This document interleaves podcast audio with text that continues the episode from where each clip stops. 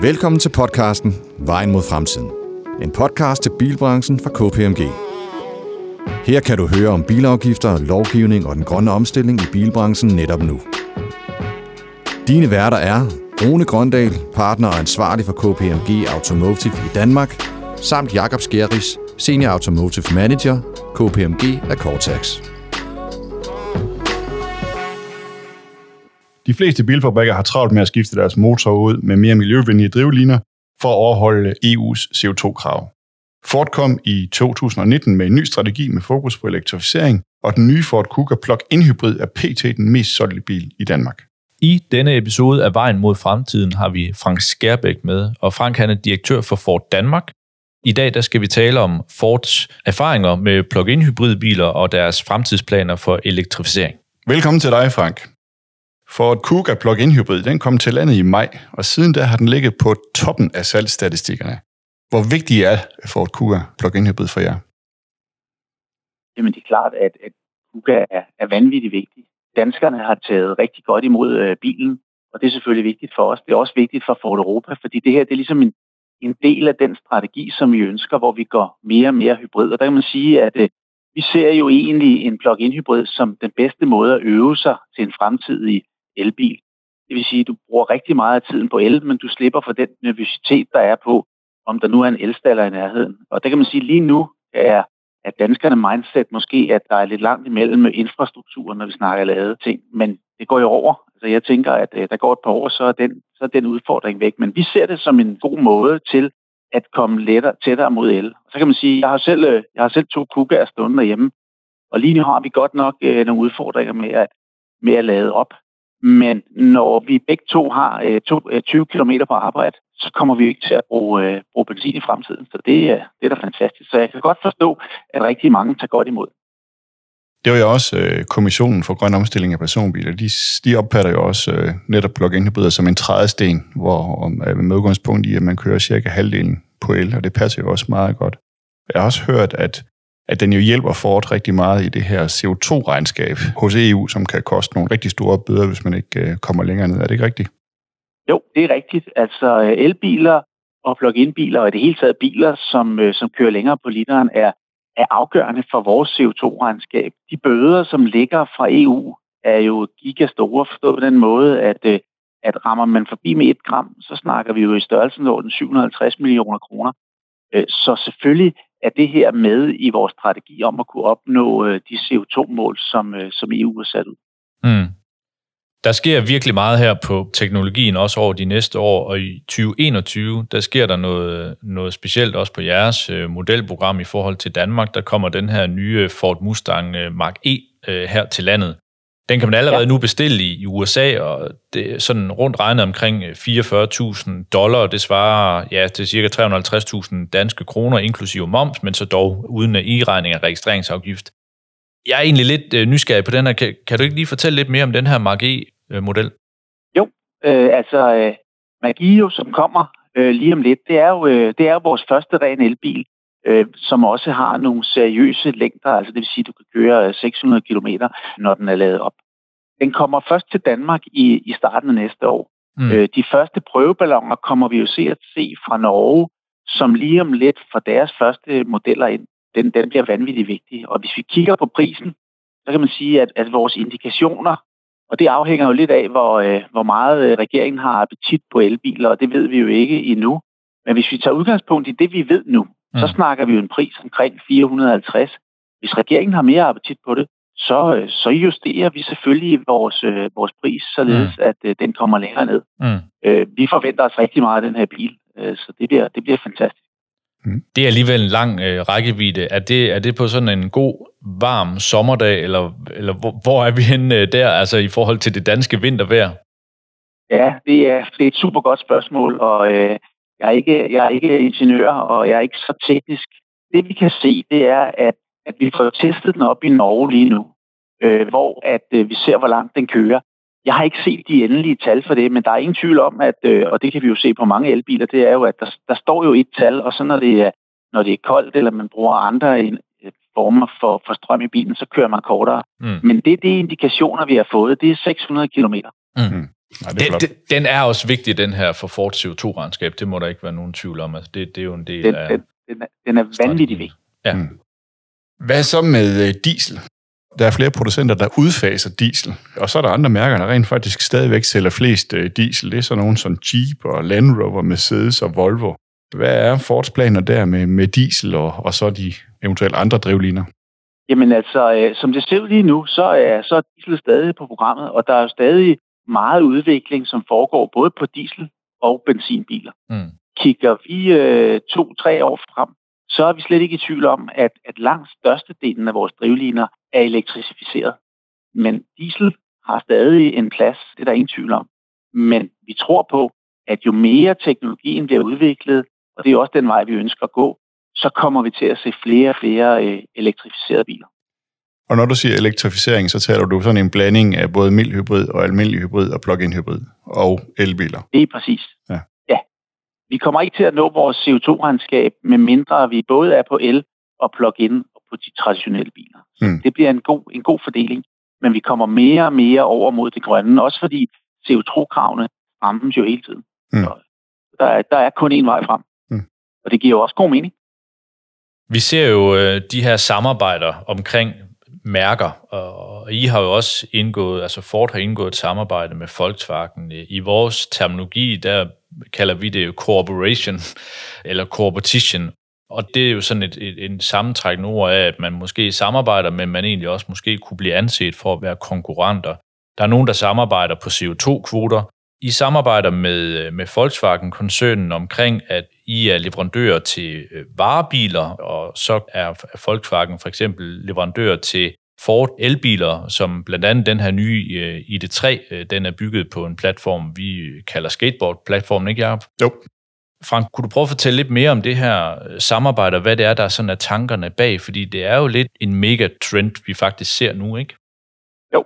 Nå, men altså, man kan sige, at grundlæggende, så giver det jo god mening at, at samle kræfterne. Det giver god mening at lave nogle alliancer. Men det er klart, at vi er jo, vi er jo stadig konkurrent til Folkevogn og omvendt. Så vi kommer jo til også i fremtiden at konkurrere.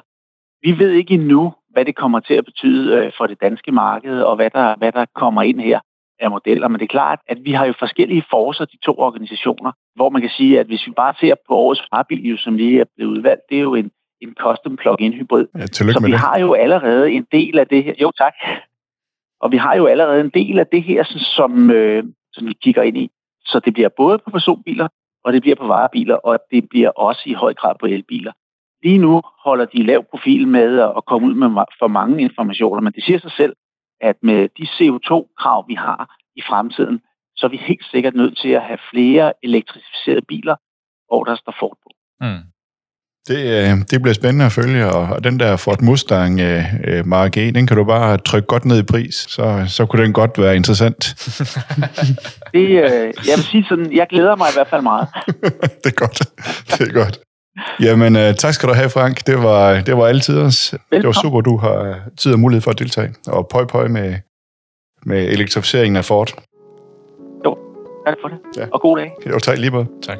Hør med lige om lidt, når vi øh, runder af med en kort analyse omkring dagens emner.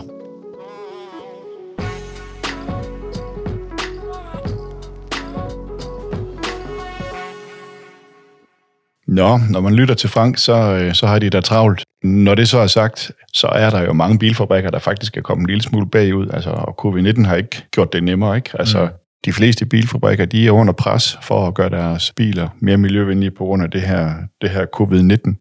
Men det kommer jo lige om lidt. Hvad betyder det for den almindelige dansker, Rune? Bare lige en forlængelse øh, til det, det er, at det er selvfølgelig rigtigt, at covid-19 har haft en indflydelse, men det er jo også det generelle pres på øh, udledningen, altså fra vores CO2, altså forordningen omkring ja. CO2-udledning, at det kommer helt naturligt, det presser, det kan man sige, det er også det, som Ford de har set. 750 millioner per gram. Ja, per gram. Det æderbank med mange penge. Mange penge, ja. Så det vil sige, 10, 10 gram, det er 7,5 milliard. Det viser noget om, hvor seriøst at det her det skal tages. Og det er det, vi har talt om tidligere, det er, at den der, man kan sige, øhm, bølge eller overgang, den kommer også helt naturligt, fordi at der er et pres fra EU til, at ja. vi skal have de her grønnere biler. Jeg har faktisk regnet lidt på, hvor meget en Kuga den betyder økonomisk for Ford Europa. Mm. Og hver eneste kuga, der kommer på vejene, den reducerer Fords bøde. Hvis de ligger på den forkerte side, så reducerer den Fords bøde med 100.000 kroner. Så, mm. så, så det er nok derfor, der er en fornuftig pris på bilen, for at få den her bøde ned. Mm. Det er jo godt for, for danskerne at få gode priser på bilerne, fordi det hjælper jo med at få de miljøvenlige biler ud på vejen. Ikke? Vi kommer til at køre miljøvenlige biler lige om, lige om lidt. Ikke? Der kommer masser til næste år. Der kommer et, et stort program allerede næste år på en bred variant af mærker. Det er jo det, danskerne de kan se frem til og skal, og skal shoppe imellem. Og der tror jeg, at den enkelte sælger eller den enkelte, der skal finansiere de her biler, jeg tror, at kommunikationen og det her med, at man har sat sig ind i, hvad teknologien betyder, og sat sig ind i omkostningerne og sat sig ind i hele, man kan sige... Det der med ladning. Ladningen, og, og hvordan at man får sin hverdag til at fungere, fordi det er mange af de spørgsmål, som kunderne vil have.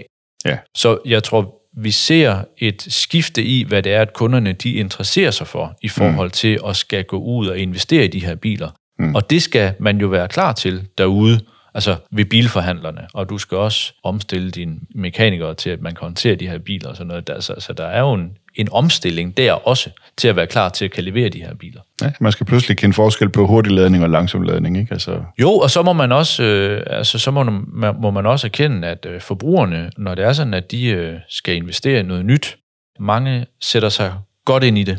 Mm. Så skal man altså ikke komme ud til en bilsælger, der øh, ikke har sat sig ind i tingene. Nu er biler, netop biler, typisk den anden største øh, investering for de fleste danskere. Ikke? Der er huset eller lejligheden, altså ejendommen som den største, og så bil som, som den næste. Så der er ikke noget at sige til, man, man sætter sig ind i det. Og så kan man så sige, nu snakker vi også diesel. Mm. Det er jo også for dem, der kører nogle kilometer. Ja. Og der sætter sig tingene ind i drejenark. Ikke? Altså der kan man så sige, der er det jo ikke lige sikkert, at plug-in hybrid er den helt rigtige løs. Ligesom man løber tør for strøm, ikke? så kører man over på benzin. Mm. Det er heller ikke sikkert, at en elbil den har den rækkevidde endnu, eller der er infrastruktur til det. Ikke? Men, men der er diesel jo, firmabiler for eksempel, ikke? Mm. der er diesel jo stadigvæk uh, interessant. Ikke? Hvad tænker du?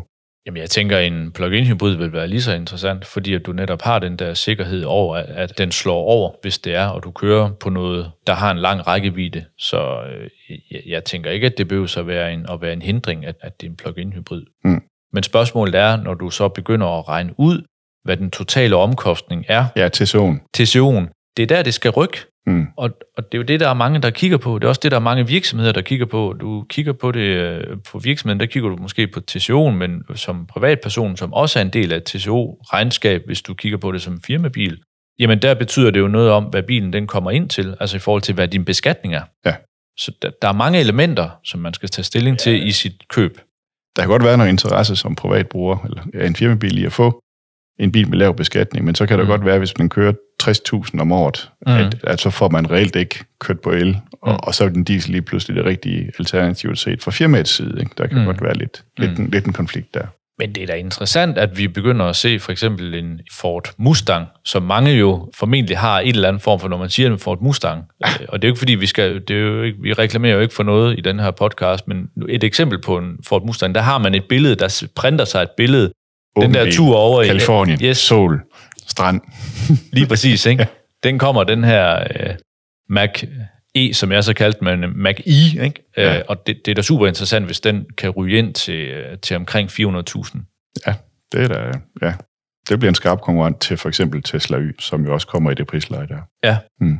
Så som privatperson, der kan man da forvente sig meget af den, at, at de kommende år. Ja. Øh, men det bliver også en bred vifte af ting, man skal forholde sig til. Og der synes jeg, jeg vil referere tilbage til det, som Anders Ellerup han sagde på hans pressemøde. Mm.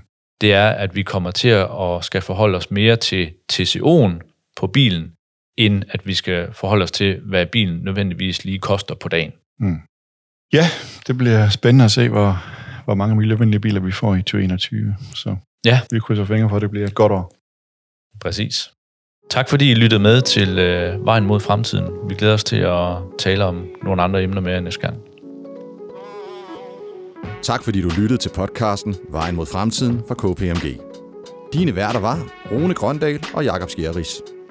Podcasten udkommer hver anden torsdag. Læs mere om podcasten på kpmg.dk.